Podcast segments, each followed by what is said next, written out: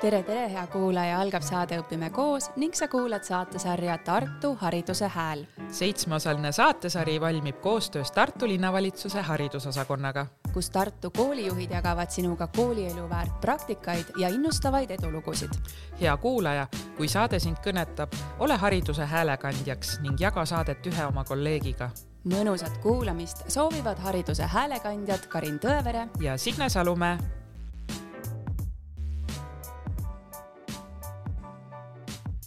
tere tulemast saatesse Terje Hallik Tartu Miina Härma gümnaasiumist ja Enn Öpik Tartu Mart Reiniku koolist.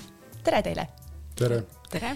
no mina sain aru, et äh, Tartu koolijuhid äh, tunnevad ennast läbi ja lõhki ja nüüd siin enne saate salvestust saime teada ka, et te olete nii-öelda vanad sõbrad, kolleegid, tuttavad, et äh, teeme teile soojenduseks väikese mängu. ja mängud siis sellised, et peate kaaslase kohta üht-teist arvama ja siis vaatame, kumb teist rohkem punkte saab. Läheb lahti esimene küsimus sulle, Terje. paku, kas kaasmängijale meeldib rohkem rutiinne tegevus või pigem vaba graafik? väga raske vastata, mina pakuks ikkagi rutiinne tegevus. nii, ja Enn, kuidas kommenteerid? vastus õige väga hea. sest sa enne meile ütlesid, et koolijuht tahaks saada. rutiini. tahaks saada rutiini rohkem. jah mm -hmm nii, Enn, paku, kas kaasmängija on pigem õhtuinimene või hommikuinimene? ma millegipärast arvan, et hommikuinimene.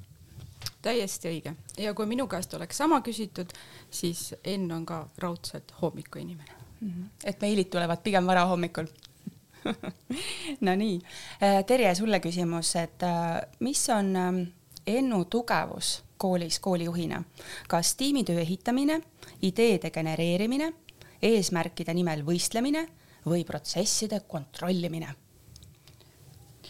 no pigem ma arvaks, et ikkagi see tiimitöö äh, ehitamine, et äh, ma ei usu, et Enn on selline tohutu võistleja või kontrollija ja mingis mõttes ka võib-olla ideede genereerimine.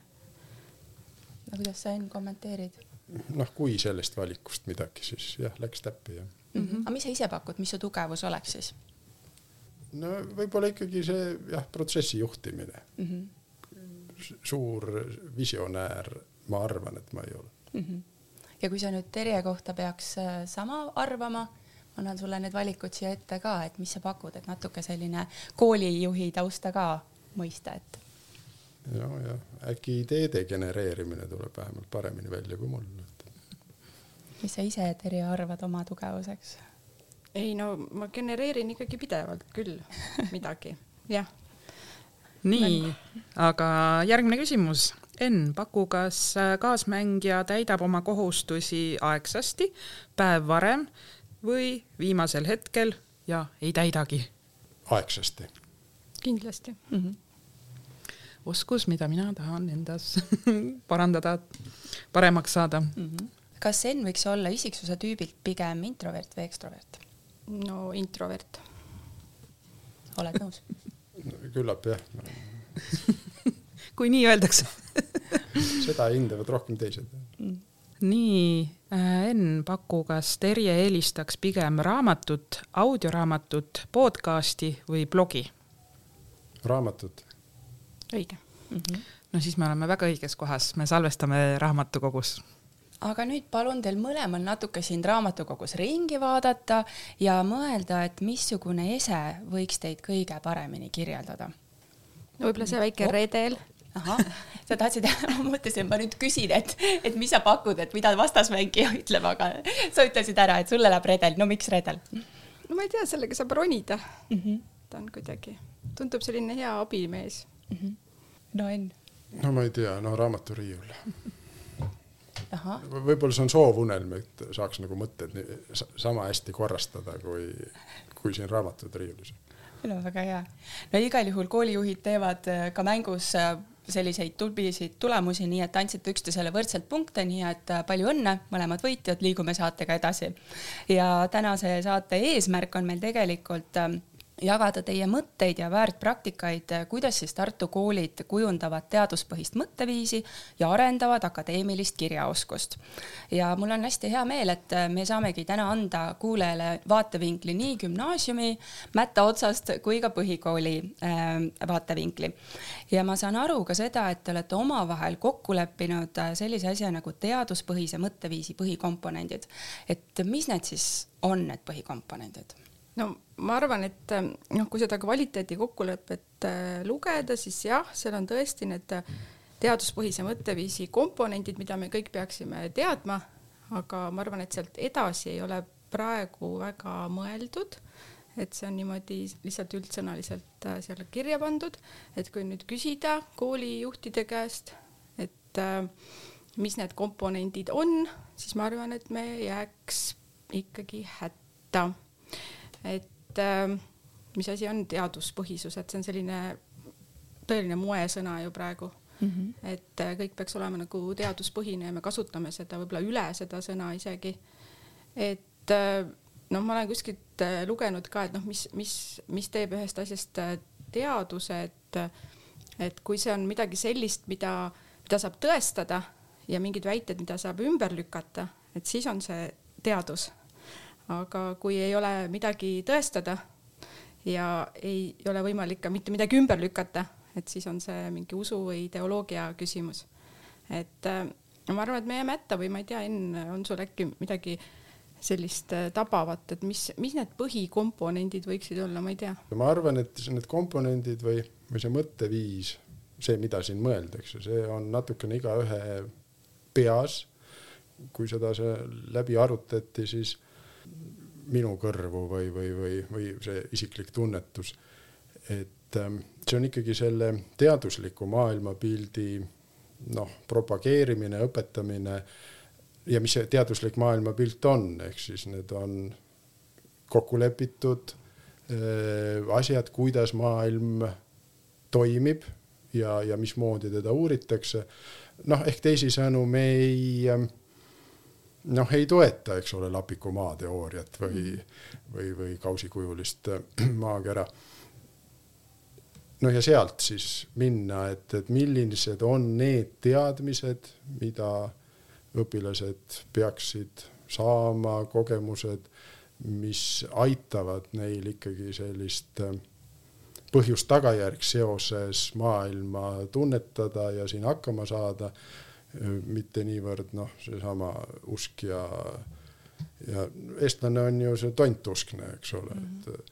et, et me religioosset tausta meil praktiliselt ei ole, aga me kõik usume millessegi, kividesse ja horoskoope ja, ja, ja selgeltnägijatesse, et, et, et, et võib-olla seda külge nagu rohkem maha võtta, sest kõik ülejäänud noh, mitte kõik ülejäänud, aga, aga ütleme nii, et nende osakaal tänapäeval on ju sellises kiirelt liikuvas meedias väga suur ju. ja, ja inimene saab sealt kohutavalt palju seda peale, kui ta tahab seda saada. noh, nii nagu ikka kõik. see, see koht, mida me tahame kinnitada, selle kohta me saame palju väiteid mm.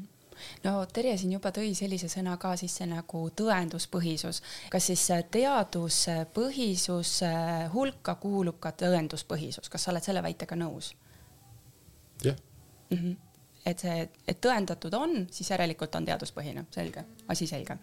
nii. kuigi ma ei nüüd noh, nii väga üks-üheselt ka ei saa seda niimoodi võtta mm, -hmm. sellepärast et noh, igasuguses teaduses ka mis see siis on, pseudoteaduses, võidakse sulle esmapilgul tuua välja sellised äh, väga selged tõendid, see nii on mm. -hmm. noh, aga ta võib tihti minna näiteks loodusseadustega vastu või ollu või et noh, et, et alati, alati see, kui öeldakse, et noh, see või see nüüd see ja see uuring kinnitab, siis see veel ei tähenda, et, et see oleks äh, noh, teaduspõhisus puhas tõde. just, et noh, tegelikult ju ega teadused äh, töötavad ka ju natukene erinevate meetoditega, et noh, me oleme harjunud võib-olla mõtlema nii, et loodusteadused on äh, rohkem siis nii-öelda nagu päris teadused, et, et seal ikkagi noh, sõnastatakse mingid hüpoteesid ja, ja hästi tähtis on see kontrollitavus, eks ole, et katset saab korrata ja nii edasi, onju. aga noh, meil on ka ju teised äh, teadused, et ma olen kuskil, kuskilt lugenud ka sellist vahvat nalja, et noh, et sotsiaalteadlased töötavad niimoodi, et et mõtlevad kõigepealt endale sobiva sellise teooria välja ja siis otsivad sinna sobivad andmed, mis seda, seda teooriat kinnitavad ja humanitaarteadlased, sealhulgas näiteks siis ajaloolased, kes ka mina oma taustalt olen, et töötavad siis täiesti vastupidi, et otsivad hästi palju andmeid ja siis vaatavad otsa ja siis mõtlevad, et mis sellest võiks nagu siis järeldada. et aga noh, samas ka loodusteadustes on ju tegelikult ka on sellist nii-öelda akadeemilist ebaausat äh, käitumist, et kus võib-olla ka nagu noh, andmetega käiakse võib-olla siis ebasobivalt või ebaausalt äh, ümber, et et väga keeruline on jah hinnata seda tõenduspõhisust ehk siis me peame läbi kooliastmete õpilastes kasvatama, arendada sellist äh, allikakriitilisust, võiks olla see. jah, jah mhm. ja ma arvan, et siin on üks noh, üks eesmärk kindlasti sellel punktil on see allikakriitika, et, et sa suudad üldse hinnata, äh, miks me midagi teame. et äh, aga kas see alati lihtne on, on nüüd iseasi, on ju, et aga noh, mulle tundub ka, et natukene võib-olla siin on liiga palju seda noh, seda nii-öelda teabe hindamist, et me noh, koolis peaksime õpetama sel noh, nii-öelda kriitiliselt äh, andmetele ja infole otsa vaatama, onju. aga teine külg sellest on võib-olla see ka, et, et noh, mitte me ei ole mitte ainult infotarbijad, äh, vaid äh, me noh, peaksime ju kujundama inimest, kes hakkab ise midagi looma, eks ole, kes ise midagi uurib teaduse, ma arvan, esimene selline lähtealus ongi uudishimu ju tegelikult, et me tahame midagi teada saada ja see on esimene etapp ja siis teine on, et me tahaksime võib-olla midagi uut ka nagu luua, et, et noh, see on see teine külg, et üks on nagu äratundmine, et mis on, mis on tõde, mis ei ole. Ja teine on siis see ise mingi uue, uue väärtuse nagu loomine, et minu meelest nagu mõlemad peaks tegelikult koolis noh, kuidagi nagu juurutama et need mõlemad pooled oleksid, et mitte ainult see õige-vale äratundmine. õige-vale äratundmine on ju ikkagi selles infotulvas äh, väga keeruline, et, et kõik, kes on lugenud ajalehti, siis mõni artikkel häirib meid nagu kohutavalt, eks ole. sellepärast, et me teame, et need faktid või väited, mis seal on, noh, kas neid on siis nüüd moonutatud või, või, või on lausa valesid fakte esitatud aga, aga need on need artiklid, mille kohta meil on tunduvalt suurem taust. kui noh, keegi hakkab rääkima koolist ja, ja midagi sellest, siis kooli inimesed lähevad marru, sellepärast et no kuidas nii saab. Aga kui seesama või noh, analoogne artikkel on seal metallitööstusest või, või, või arstiteadusest, siis selle kohta meil seda taustainfot ei ole ja me tegelikkuses igapäevaselt ju ei, ei oskagi öelda, kas see, mis meile seal antakse, pakutakse. Noh, et, et kui palju seal seda, seda tõde on ja kui palju seal nagu fakte väänatud on, ehk siis see, see, see teadmine, et meid tegelikult võidakse kogu aeg niimoodi teelt kallutada, kas vahest teadlikult, vahest mitteteadlikult. et noh, juba see teadmine on omaette väärtus, et ei ole absoluutseid tõdesid kõik absolutismid on valed, kaasa arvatud viimane. jah, ja võib-olla see on ka üks kooli ülesanne ju, et ikkagi see ka see nii-öelda vanamoodsas mõttes see teadmiste hulk oleks ka inimestel su suurem, onju, et kui sul on erinevates valdkondades äh, süvitsi teadmisi, et siis, äh, siis sa ka võib-olla tunned kergemini ära selle, kus on midagi täiesti mööda pandud mm. -hmm see on väga hea mõte praegu, et ma nüüd sain vastuse sellele, et miks me tuuvime igasuguseid fakte siis koolis, et neid on vaja, et, et minu selline baasteadmine oleks olemas, et see aitab mind juba ühe sammuna sellele lähemale, et kui mul on mingi artikkel mingist teemast, et ma juba oskan natukene vaadata, et ahaa, minul on ka mingid teadmised ja siis sealt hakata edasi küsima, et kui ma nüüd hakkan kahtlema, et kuhu suunas siis minna ja sügavuti minna. ma küsiks siia vahele selle punkti enda kohta, et kvaliteedikokkuleppes ta nüüd on eelmisel aastal aastal äh, sõlmitud, et äh, kas ta on esimest korda, sest tegemist on ju teise kvaliteedikokkuleppega või oli ta ka juba esimeses, et on ta selline nagu uus teema siis koolijuhtide jaoks? akadeemiline kirjaoskus oli tegelikult ka eelmises sees väga selge suunitlusega, et, et kui me õpetame õpilast tekstiloomet, et seesama akadeemiline ausus, ma ei võta kuskilt midagi ja ei avalda seda enda äh, nime all, et ma, ma viitan, kust ma olen selle saanud, kelle mõtteid ma jagan. et, et selles valguses oli, oli ta juba ka kaks tuhat neliteist sõlmitud leppes vist jah jah, aga mulle tundub, et tollel ajal mõeldi seda natuke ikkagi kitsamalt, et see oli rohkem just nimelt selline nii-öelda teksti, tekstiloome korrektse akadeemilise sõnavara äh, kasutamine, kõigi nende viitamisreeglite kasutamine. et ähm, mulle tundub, et nüüd selle, selle punkti juures need arutelud olid vist natuke laiemad, et mina tegelikult ei olnud äh, selle punkti sünni juures aga ma olen kuulnud, et seal rohkem võib-olla vaieldi selle, selle üle ja nüüd on sinna sisse tulnud ka see akadeemilise aususe äh, mõte, mis kahjuks seal on tegelikult küll avamata praegu, et äh, mida selle all äh, mõeldakse, et, et akadeemiline ausus või siis ebaausus, et see ei ole ainult tekstiloome või viitamine, mitteviitamine, et see on midagi hoopis laiemat, et et ma ei tea, kui paljude koolide kodukordades näiteks on äh, selle teemaga tegeletud, noh, et mis on ebaaus, et, äh, et mida ei tohiks teha. et äh, minu kool on pidanud sellise dokumendi looma nagu akadeemilise aususe poliitika, kuna me oleme üks selline kool, mis kuulub International Baccalaureate'i võrgustikku ja seal on see nagu kohustus Äh, selline dokument äh, välja töötada. aga seal nagu see noh, see viitamine ja kõik see on nagu üks, ainult üks väga väike osa sellest äh, akadeemilisest aususest, et seal on tegelikult väga palju muid nüansse ka, et me peaksime koolis tähelepanu juhtima üldse sellele, mis on akadeemiliselt ebaaus. et noh, võib-olla mõned noh, näited, et tegelikult ju ebaaus on see, kui sa pildistad üles kontrolltöö, äh, saadad selle äh, sõbrale äh, või, või tervele poolele maailmale. et see on näiteks ju akadeemiliselt ebaaus, et või sa noh, ka elust enesest tegelikult näitad, ebaaus on see, kui sa esined kellegi teisena.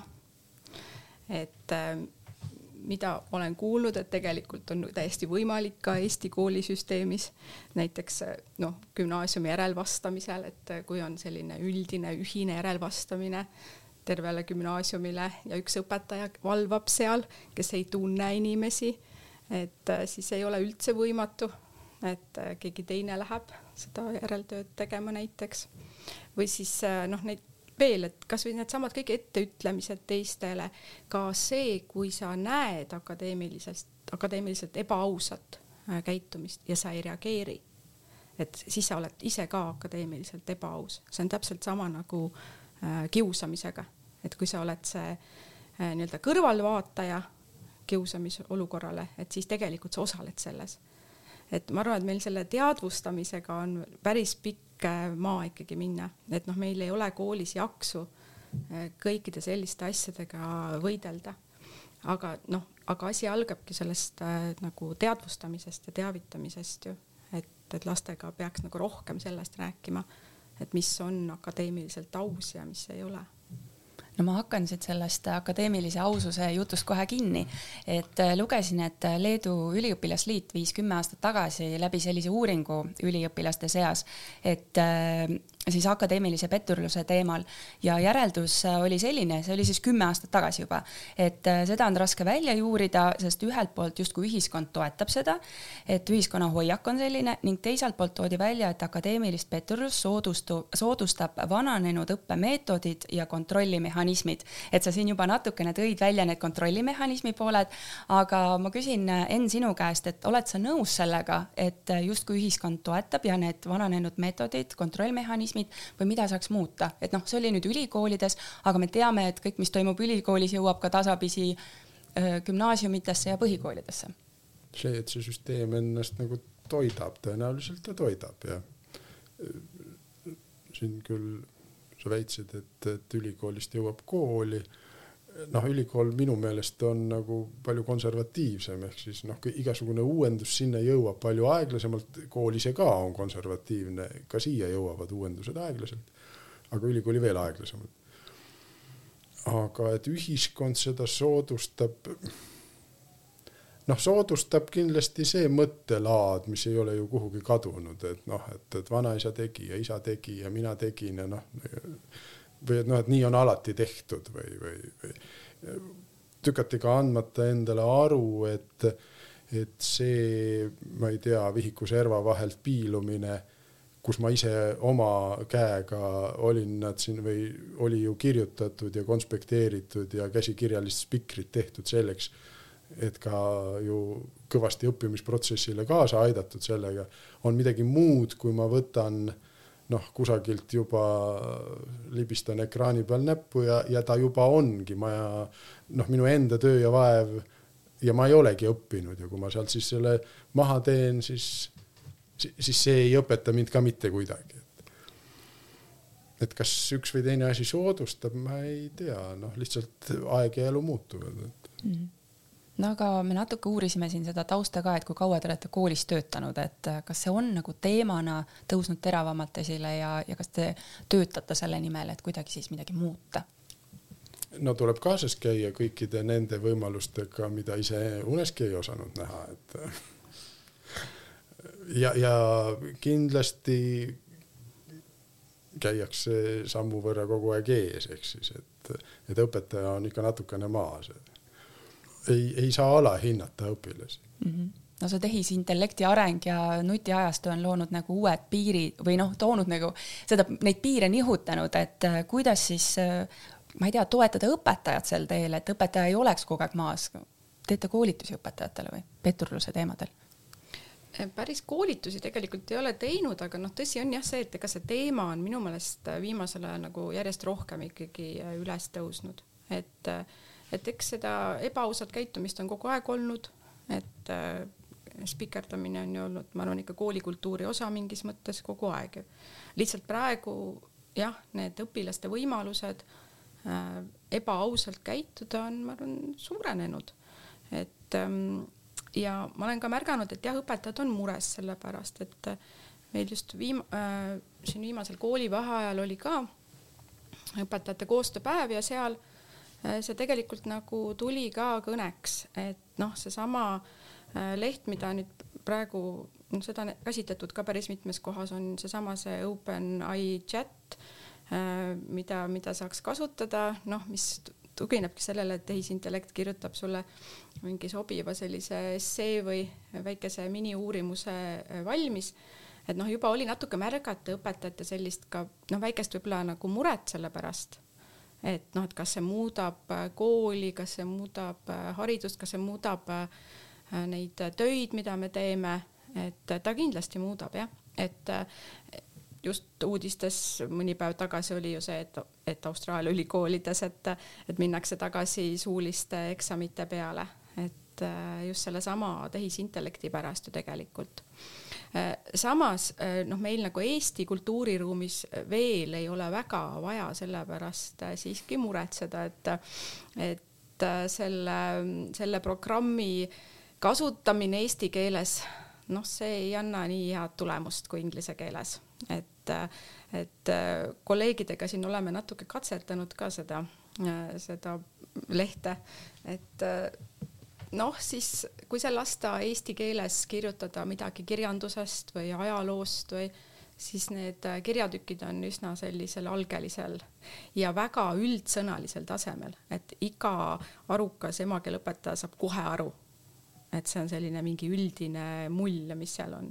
et noh, hästi konkreetne näide ka, et ühe kolleegiga äh, toksisime sinna sisse äh, ülesande, et et analüüsi Krõõda rolli äh, Tammsaare Tões ja õiguses.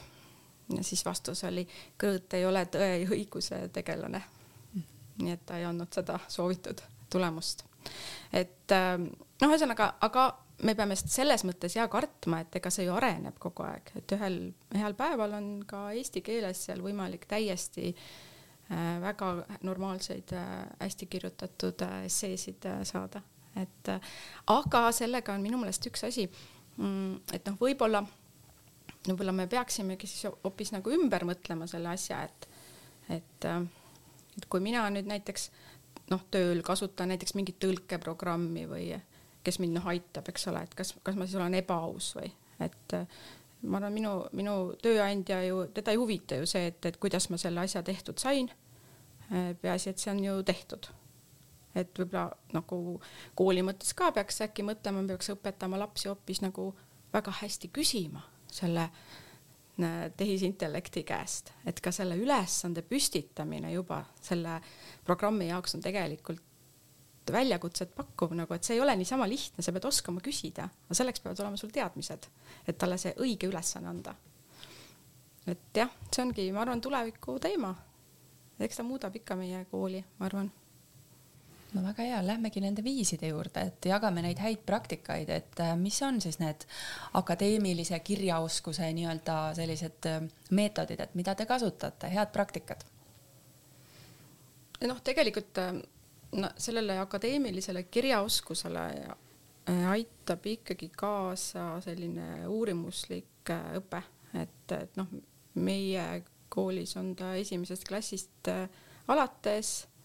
et noh, see ongi nagu ju õppimise viis ja, ja maailmast arusaamise viis, eks ole, et sul on see uudishimu, sa tahad uurida, küsida ja esimesest klassist peale tegelikult ju õpetatakse ka näiteks viitamist et no ja ka seletatakse ka lastele, miks see on äh, oluline, et miks on oluline teiste inimeste loodut äh, tunnustada ja väärtustada, sest äh, see tegelikult aitab kaasa sellele, et, et sinu loodut ka ju viidatakse ehk no seda väärtustatakse ja hinnatakse. et noh, esimesest klassist peale tegelikult kõik need digioskused, noh, mis on ju seotud tänapäeval ka selle akadeemilise kirjaoskusega, et noh, nendega hakatakse esimesest klassist peale. Ja uurimuslik õpe iseenesest, noh, mis ongi selline nii-öelda uurimisküsimuste, uurimisväidete keskne, et kui kogu õppeprotsess on sellele üles ehitatud, siis minu meelest see toetab sellist akadeemilist kirjaoskust nii et Miina Härmas uurimuslik õpe läheb esimesest klassist pihta, kuidas on Mart Reiniku koolis? noh, noh, mingid elemendid kindlasti ju kogu aeg käivad läbi, kas see on selliselt sõnastatud, see on iseasi ja noh, mingil hetkel ju me püüame sellele samale põhikooli õpilasele noh, sedasama loovtöö raames, mis on natukene juba suurem, ehk siis need pisikeste klotsikestega on seda müüri laotud nii kaugele, et, et võiks juba midagi natukene sellist teaduse mõttes sellise või teaduse vormi mõttes kokku panna. Noh, kui hästi see õnnestub, erinevalt tekstiloome kui selline on, mina julgen ütelda kaheksanda klassi õpilasele, meil loovtööd enamasti teevad kaheksandikud, no suhteliselt keeruline, olenevalt inimesest küll, aga, aga väga paljudele, et noh, palud suhteliselt ise luua teksti ja see ongi, tekib kaks vigast lauset ja sinna noh, ja ongi nagu kõik öeldud, et et noh, läbi, läbi, läbi selliste väikeste asjade ikkagi no Terje, et kui teil on selline süsteemne tegevus esimesest klassist peale, et kas sa saad öelda, et, et kaheksandas klassis, üheksandas, kes teevad seda loovtööd, et nad on võib-olla siis kuidagi tugevamad, et äh, seda kirjasuutlikkust on võib-olla rohkem siis? milles nad on tugevamad, võib-olla kui mingid eelnevad põlvkonnad on äh, selline äh, Äh, oskus äh, ennast äh, analüüsida, kõik see reflekteerimise pool, kuna noh, see on ka, käib selle IB süsteemiga kaasas, et see on hästi tähtis seal, et siis noh, mulle tundub, et, et nad on selles väga tugevad.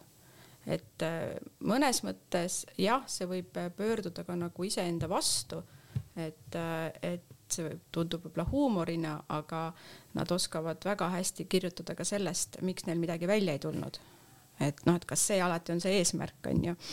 et, et, et meie selle õppimise juures on hästi tähtis see äh, nii-öelda eneseanalüüs, et noh, kus sa vaatadki oma neid õpioskusi ja noh, jälgid seda, et kuidas sa oled neid arendanud, noh ka sellesama kolmanda kooliastme loovtöö käigus, et see on nagu vist kõige tähtsam asi seal. et selles nad on minu meelest väga osavad, et aga noh, et kuskilt maalt siis jällegi noh, ongi see, et, et nad on võib-olla liiga osavaks isegi muutunud selles aga mida siis teha, et see sisu ka tuleks, mis, et noh, kaheksas klass, et mis me saame teha, kuidas aidata neid õpilasi või kes vastutab selle loovtöö eest, et see sisu seal on, on see õpetaja siis või? no minu meelest ikkagi selle eest, et, et õppetöö oleks äh, nagu pingutust nõudev õpilasele, no mis on just meile tegelikult seaduses pandud äh, kohustus, et kooli ülesanne on ju tagada pingutust äh, nõudev keskkond ja loomulikult see pingutus on selle lähima arengutsoonis, et see ei saa olla noh, nii-öelda üle oma varju hüppamine on ju. aga ma arvan, et see vastutus on ikkagi koolil, et kool äh, peab looma sellise keskkonna, kus äh, noh, pingutus äh, on kuidagi hinnatud, et eh, kuidas seda teha, noh, ma arvan, meie ka enda koolis tegelikult otsime eh, seda, et noh, kuidas ikkagi see seda sisu kogu aeg nagu järele aidata, sest no eks me ju seda näeme, et noh, tegelikult nagu mingis sisulises mõttes võib-olla või mingi teadmiste osas võib-olla eelnevad äh, põlvkonnad on noh, kuidagi süsteemsemad olnud, uutel on mingid noh, teised oskused.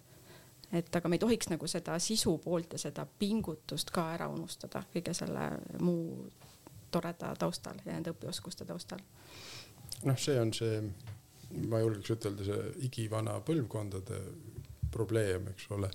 aga ma ikkagi olen kõik need aastad koolis ka natukene ise õpetanud ka koolijuhina. ja, ja see teadmine, mida noh, mis oli minul tolles vanuses või, või, või mis oli ka siin mingid aastad, eks ole, tagasi see igapäevane teadmine, see kogemus õpilasel, mille külge sa said nagu haakida seda uut ja tükati vahest ju ka teoreetilist kogemust, sest noh, praktika tuleb võib-olla hiljem või on mingi hulk teadmisi koolist ju, mida me igapäevavorsti ostmisel ei kasuta. siis vaat selle, selle, selle, selle baasteadmise ülesleidmine tänapäeval läheb üha raskemaks ehk siis nad teavad kindlasti väga palju, nad teavad väga palju millestki, millest õpetaja ei tea. ja noh, mingites ainetes me õpetame koolis, annamegi seda fundamentaalset teadust, noh, see teadus on seal tuhandeid või sadu aastaid vana. ja vot selle teadmise haakimine kuhugi, et, et suur väljakutse õpetaja jaoks on leida üles see konks mille külge uut teadmist riputada. jah, selles mõttes on õige, et ega me ei saa öelda, et tänapäeva lapsed nagu teaksid äh, vähem. Nad võivad väga palju ja, ja just neid, noh, neid huvitavates asjades ju väga palju teada. aga, aga noh, samas ma arvan, on jällegi tõsi ka see, et, et nad ikkagi loevad vähem äh, kui äh, võib-olla põlvkonnad enne neid. või see, lugemine on pinnapealne, eks ole, pilt ja kolm rida, tähendab, kogu info peab olema seal kirjas. jah, keskendumine on kindlasti palju-palju äh, noh, kehvem, et, äh, et noh, need on asjad, millega peab äh, arvestama, et, et noh, kui me mõtleme, et, et nad lähevad tulevikus töökeskkondadesse, et, et mida neilt oodatakse seal, et, et ma ei mõtle nagu, et mingid, mis teadmised neil peavad olema, aga mis neil peaks olema, ma arvan, et neil peakski olema Äh, selline no, võime pingutada ja neil peaks olema keskendumisvõime ja nad peaksid äh, tähtaegadest kinni pidama tulevikus, noh, see, kuidas nad oma töö nagu tehtud saavad, milliseid tehnilisi abivahendeid nad selleks kasutavad, et võib-olla see ei ole ju antud juhul kõige olulisem, aga ma arvan, et ka tuleviku tööandjad ikkagi hindavad nagu seda, et asjad saaksid õigeks ajaks tehtud ja inimesel oleks suutlikkus istuda ka mõnikord ühe koha peal Äh, kauem kui kakskümmend minutit. ja, ja, ja sinna sellesse loetellu ma lisaks selle inimeseks olemise, ehk siis need on need, need mingid väärtused, äh, ilma milleta ei saa, et tehnika areneb ja ta võib meie eest teha ära väga paljusid asjad. aga, aga inimeseks olemine kõige paremas mõttes no siin Terje tõi välja selle, et, et õpilased teavad väga palju äh, neist asjadest, mis neid huvitab. et ma mäletan, et kunagi, kui see loovtöö üldse tuli koolidesse, siis anti ette justkui teemad kooli poolt, et nii, need on raudpolt teemad ja nendel kirjutate. täna on see asi juba muutunud, loovtöö on olnud pikki aastaid siin koolides kohustuslik osa ja paljudes koolides õpilased saavad ju ise selle teema valida. et kas see teema valikus ja see paindlikkuse andmine on kaasa toonud selle, et ikkagi see sisuloome tuleb kaasa noh, see on eeldus ette antud teemal, eriti kohustuslikul teemal, no ma ei tea, ma arvan, et seda ikka enam ei. no see ei, oli algusaastatel. jah, ei esine, et loomulikult on õpilasi, kes noh, ikkagi on selles mõttes teadmatuses, et ta ei oska, tal noh, ja, ja siis nagu suunata, et, et see võiks sulle sobida või, aga ju enamik, ma julgeks ütelda, ikkagi tuleb oma teemaga välja mis, mis ei tähenda veel seda, et ta sellel teemal oleks noh, valmis äh, väga palju kirjutama. Et noh, tegelikult koolid ongi minu meelest siin ikkagi erinevaid praktikaid rakendanud, et ilmselt on see ka ajas muutunud jah, et nii nende kolmanda kooliastme lootööde kui ka siis gümnaasiumi uurimis- ja praktiliste töödega, et, äh, et koolidel on olnud erinevad praktikad, et on sellised koolid, kus Äh, õpetajad on siis välja pakkunud äh, potentsiaalseid äh, teemasid, mida nemad oleksid valmis juhendama. et meil on kogu aeg olnud vastupidi, on olnud kõige tähtsam asi õpilase huvi, õpilase huvist lähtuvalt. sellel on olnud ka negatiivsed tagajärjed, et siis jällegi see juhendamise kvaliteet ei ole nii hea olnud, et ka mina ise ajaloolasena olen pidanud juhendama äh, Äh, töid äh, naisjalgpallurite põlvevigastused, Chopini helilooming, mida iganes. et, et ma ei tea, et kas ma olin nagu parim juhendaja, äh, noh, just nende teadmiste poole pealt. et, et meie nagu liikusime mingil hetkel ikkagi sellest täiesti noh, vabast õpilase huvist nagu sinna, et jah, et õpilane võib ise välja pakkuda need teemad aga õpetajad on ka välja pakkunud, et meil on äh, sellised äh, nii-öelda juhendajakaardid, äh, mille idee ma tegelikult kunagi sain Salme tänavalt seal koridoris ringi vaadates pedagoogikaüliõpilastele olid need juhendajakaardid sellised, et noh, oli nagu see õppejõu nimi ja siis, et mis teemadel tema on valmis juhendama ja siis me tegime enda koolis ka sellised. et meil on õpilastele need enne, kui nad hakkavad oma teemasid äh, pakkuma, välja mõtlema, on need juhendajakaardid äh, kättesaadavad, et kõik meie kooli äh, õpetajad siis on välja pakkunud oma noh, sellised lemmik lemmikteemad, et me oleme seal kirjutanud natukene endast, et mis meid üldse huvitab ja siis välja pakkunud mingid valdkonnad. Ja see noh, nagu pildilise materjaliga ka, et noh, et keda huvitab võib-olla reisimine, et on vastavad äh, matkapildid või hobuste pildid või noh, kuidas kellelgi on ju. et noh, et anda nagu lastele ka äh, sellist äh, nagu noh, väikese, väikese sellise suuna kätte, et et vot see inimene, et oo, tal on samasugused huvid minuga et siis ma lähen nagu õige inimese juurde üldse, kui ma küsin teda nagu juhendajaks. et seda oleme teinud. Mm, ja teine noh, miks nagu niipidi variant, ma mõnes mõttes saan aru seda, noh, kui juhendajad pakuvad neid teemasid, et tegelikult see on nagu ju nagu majanduses ka, et, et kumb on enne, kas nõudlus või pakkumine. et enamasti inimesed arvavad, et, et äh, nõudlus on enne, aga majandusseaduste järgi see tegelikult ei ole nii, sest noh, muidu miks reklaame tehakse, et ikkagi pakkumine on kõigepealt. et, äh, et ka lapsed ei tule võib-olla kõige peale, mis on tore ja huvitav, et neile peab andma nagu mingid noh, nagu kondid närida, et, et ma arvan, see on ka üks õpetaja äh, ülesanne ikkagi, et õpetajal on seda kogemust rohkem, teadmist rohkem, et et kas laps noh, tahab seda teemat uurida, see on nagu tema valik, on ju, ja alati võib ta tulla ka oma teemaga muidugi no siin ma kohe mainiks ära selle, et äh, Õpime koos äh, saatesse. Me alati kaasame ka oma kuulajaid ja Instagrami postitusele reageeris äh, Triinu Pääsik, kes on haridusmentor. Ja tema küsimus oli siis selline, et, et õpetajad sageli kardavad juhendada uurimustöid, kuigi nad on ise selle ju läbi teinud, et mis on selle põhjused, et ühe põhjuse sa siin juba tõid välja, aga mis veel võiks olla need põhjused, miks õpetajad ei taha neid loovtöid, uurimuspraktilisi töid juhendada? Kas teil kõik õpetajad tahavad juhendada? ei ole juhendanud kõik jah. aga on seal mingi seaduspära? millised õpetajad ei, ei taha? no ütleme niimoodi, et klassiõpetaja ei, tunneb kuidagi sellist äh, põhjendamatut aukartust, aga tunneb aukartust, eks ole, et, et õpetades ise esimest kooliastet, noh, ei, millegipärast nagu ei, ei noh, ei, ei taha nagu seda kolmandas kooliastmes juhendada. noh, õpilane mis iganes põhjustel mõned juhendajad on ju hulga populaarsemad kui teised, eks see oleneb ka inimomaduste tõttu, õpetaja isikuomaduste tõttu.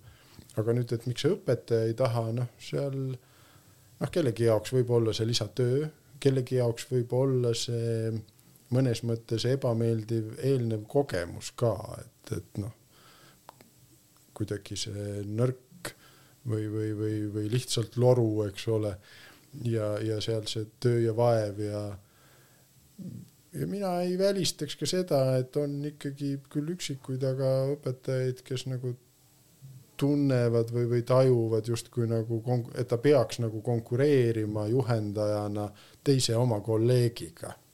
Noh, andmata nagu lõpuni aru sellest, et, et tööd teeb ju ikkagi õpilane ja see, et ühel on parem ja teisel kehvem ja juhendaja roll on väga oluline aga noh, kogu, tähendab, õpetaja ei saa vastutust võtta ära õpilaselt.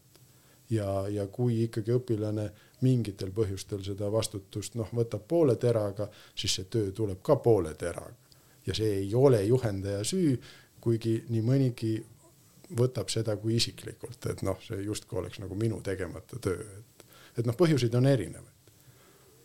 no ma olen päris kindel, et ikkagi Äh, juhendajal on ka võimalik nagu seda tööprotsessi suunata ja kui juhendaja on selline hästi noh, kirglik ja selline peab no mingis mõttes jah, peab seda nagu enda tööks, et siis need tulemused on paremad. et muidugi ma ei tea, kelle tulemused nad on, aga parem saab see töö igal juhul no Terje, kuidas tulla õpetajale appi, et ta võtaks selle loovtöö juhendamise, et olete välja töötanud, teil on igas, igal aastal te ütlesite, et teete uurimustöid. Et mis on need abimaterjalid õpetajatele, et nad võtaks neid rõõmuga?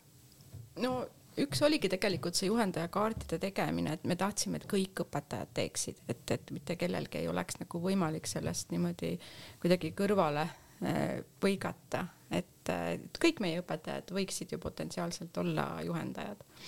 Et ega me oleme aastate jooksul no, kõike proovinud.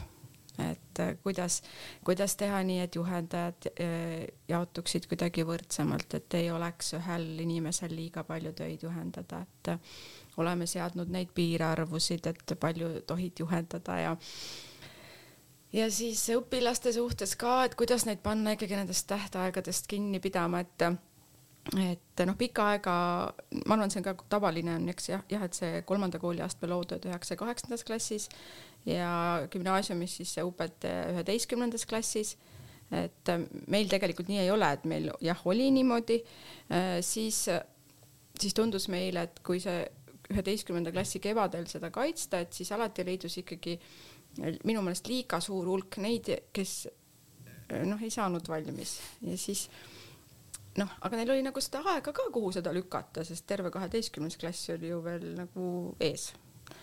ja ja no kaheksanda klassi loovtöö, no see juba tulenevad siis sellest äh, IB süsteemist, et et seal tegelikult on see ikkagi mõeldud nagu selleks põhikooli viimaseks aastaks, nii et noh, meie õpilased alustavad kaheksanda klassi nagu kevadel või noh, nüüd varsti tegelikult hakkavadki jälle peale ja siis nagu lõpetavad selle üheksanda klassi seal noh, jõulude enne jõule.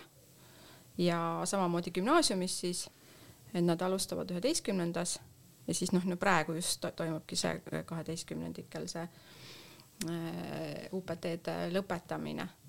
aga ega see ka mingi ideaalne variant ei ole. et suvi ei aita kaasa?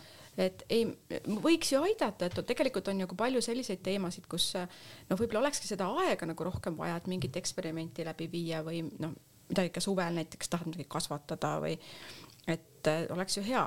Aga ega see, aga ikkagi siis äh, väga palju on ikka neid, kes hakkavad seda tegema alles seal äh, kaheteistkümnenda klassi sügisel või siis noh, üheksanda klassi sügisel, et et ja meil on ka kõikvõimalikud süsteemid mõeldud, et on päevik, kus on mingid tähtajad, alati meil on kirjutamispäevad siis äh, seatud, kus noh, kus muidu ka lapsed on iseseisval õppimisel ja siis just üheksandikel, kaheteistkümnendikel on nagu, nagu noh, ongi kirjutamispäevad, noh, kas iga kuu või nad ongi kodus ja siis kirjutavad, et me oleme igasuguseid asju äh, mõelnud välja, mida teha, aga ikkagi pole see ideaalne, mulle tundub.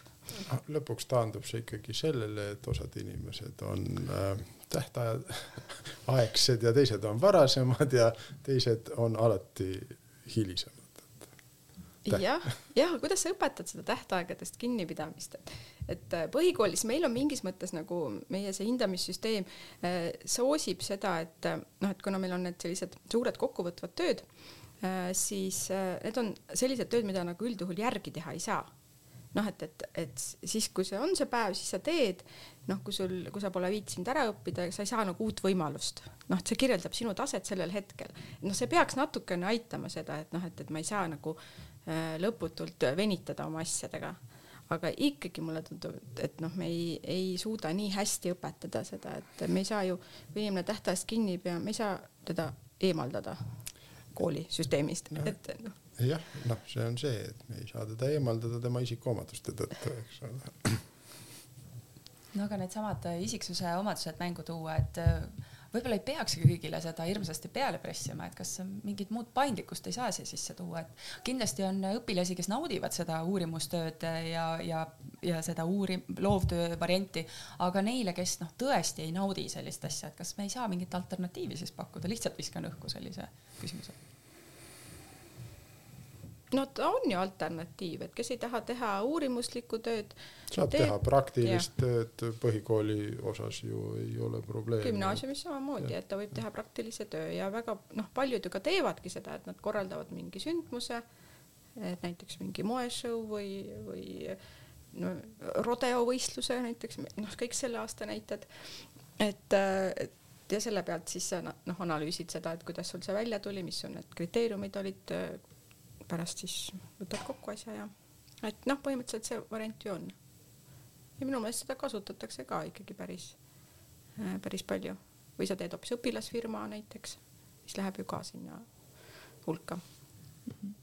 et valikuid on nii põhikoolis kui ka gümnaasiumis? jaa no nii, et äh, võtaks siis selle, et kuna on ikkagi veel aasta algus, millised äh, eesmärgid olete endale juhtidena pannud selleks aastaks? Poolaastaks siis võtame lühendame natuke. noh, need ei ole nagu võib-olla minu eesmärgid on ju, et noh, koolil on ikka mingid eh, eesmärk, aasta eesmärgid või et noh, nende, nendega kuidagi kaasas käimine. aga öö, ma võib-olla enda jaoks olen nagu mõelnud seda, et nii-öelda õppetunnid on nagu õpitud, et noh, et, et et isegi kui on mingid probleemid on ju, et siis me tohutult pühendame aega sellele, et teada saada, noh, miks läks midagi nagu valesti või halvasti. et, et mul on ka olnud selliseid ähm, mõtteid ja arutelusid nüüd viimasel ajal päris palju, aga ma olengi nüüd mõelnud, et ei, nüüd äh, aitab. et äh, me ei tegele nagu sellega, et miks, miks see läks nii, vaid et tuleb nagu edasi minna, noh, on mingid sellised konkreetsed asjad, et ähm, et aitab, et äh, on ära õpitud nii-öelda õppetund ja nüüd tuleb minna edasi, et noh, ükskõik mis, mis valdkonnas siis, et, et noh, ma ise tunnen nagu, et on nagu kergem olnud niimoodi mõelda.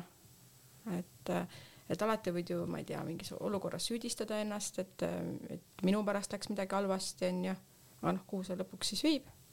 et äh, ei, no nüüd, nüüd lähme edasi, et meil on ikkagi õppekava arendus kogu aeg käib ja, ja noh, kogu aeg on ju, tegelikult on kogu aeg midagi uut, onju. ja noh, ühesõnaga et mina ikkagi leian nagu seda motivatsiooni, äh, et nagu edasi teha, et noh, mitte kaevata selles, et miks miski asi ei ole nii hästi või kui olla võiks. kui siit sõnasabast kinni võtta, et siis ähm, energia tuleb ähm, suunata sinna, kuidas saab, mitte kulutada teda selleks äh,, miks ei saa. ja kui ma püüan seda niimoodi ise ka jälgida, et ehk siis ikkagi lahendustele orienteeritud, aga suur eesmärk. noh, ma natukene olen mõelnud, et, et nagu noh, sedasama, ega jõulude ajal tulevad inimesele ju head mõtted, eks ole, et et, et ratast päris pidama ei saa või päris maha astuda ei ole, ei ole, ei, ei kavatse. Aga teha kõik endast oleneva, et, et seda üldist kiirust veidikene vähendada, kasvõi enda jaoks. sest ega see, noh, see kiirus viib meid kõiki sinna ühte kohta, kuhu me niikuinii jõuame, et juba aastaid on noh, ees või selline mõte minul endal, et noh, on igasuguseid aegu, et aga kunagi ei tasu oodata hommikul päeva või noh, õhtut ja, ja nädal ja tulla esmaspäeval tööle, et oodata reedet või, või alustada trimestrit selleks, et oodata lõppu või noh, kui me seda jada jätkame, siis ju muutub elu täiesti noh, mõttetuks, et äh, nendest, äh, neid silmas pidades siis on ju elu lust ja lill, et linnavalitsus aitab ka teid koolitada natukene ja paneb teile välja sellise raamatuvaliku, mille seas saate siis valida endale võib-olla siis nad leiate kõige teaduslikuma või vähem teaduslikuma, et mis teid kõnetab ja saate ühe endale kingituseks ka, et võite neid sirvida, vaadata. Võib-olla mõni autor on tuttav, pealkiri on tuttav, olete midagi lugenud ja ootaks huviga ka teie kommentaare, et miks üks või teine raamat kas välistate või kindlasti tahaks enda raamaturiiulisse saada. Carol Dwecki mõtteviisi ma ei valiks, et ma olen seda juba põhjalikult uurinud, et noh, mis on ka tekitanud selliseid noh, nagu mõtteid, et, et noh, et kas see selline edenemismõtteviis on, on, on alati parem äh, kui, kui äh, fikseeritud mõtteviis, et noh, või et noh, näiteks, et kui mina teen kodus lastele süüa ja ja siis nemad ütlevad mulle tagasisideks, et jaa, et see on ikkagi väga hea, aga et järgmine kord sa võiksid noh, veel seda, seda ja seda teha, et sa oled päris tubli, aga noh, et veel, veel, et ma kardan, et nad siis järgmised päevad sööksid võileibu, et, et ma ei tahaks mm. -hmm. ma ei tahaks sellist edenemis, edes, edenemisele suunatud nagu tagasisidet alati saada, onju, et. päevast päeva. jah, et tegelikult mõnikord on ka lihtsalt hea see, kui keegi ütleb, et sa oled päris tubli ikkagi või et see on hästi. et et alati ei, ei pea nägema seda edenemist sealjuures, et mina ei taha alati saada seda tagasisidet sellisel viisil, aga see on väga tore raamat, nii et ma tegelikult soovitaks seda ikkagi, seda mõtteviisi. Aga siit mul tuleb, eh, niikaua kui te veel neid raamatuid sirvite, mul tuleb üks eh, küsimus, et meil oli üks saate, saatesalvestus ja me rääkisime, et õpetajad vajavad väga erinevat kiitmist, et nagu sa siin ütlesid, see edenemise, et, et kuidas siis targalt kiita, nii et, et oleks nagu hästi pai tehtud, et jõuaks kohale see kiitus nagu tõesti selliselt, et tunned, et oled pai saanud ja keegi justkui ei, oota sult edasi midagi, aga sa võib-olla tahaksid ise nagu edasi tegutseda kas on mõni hea võt-? ei, minul muutus? ei ole, sest äh, mina ei oska sellist äh, head äh, edasiviivat tagasisidet minu meelest anda piisavalt. ma ise tunnen, et see on selline nõrk koht, aga ma ei tea, kas Rutt Einpaul või keegi on, keegi selline juhtimis nii-öelda guru on kuskil öelnud ka, et tegelikult inimesed ei tahagi tagasisidet. Nad tahavad kiitust. Jah, ja kui tabada ära erinevad inimesed, millist ja mis moel ta seda kiitust tahab, ja siis suuta seda ka anda, noh, siis on ju kõik väga hästi, eks ole.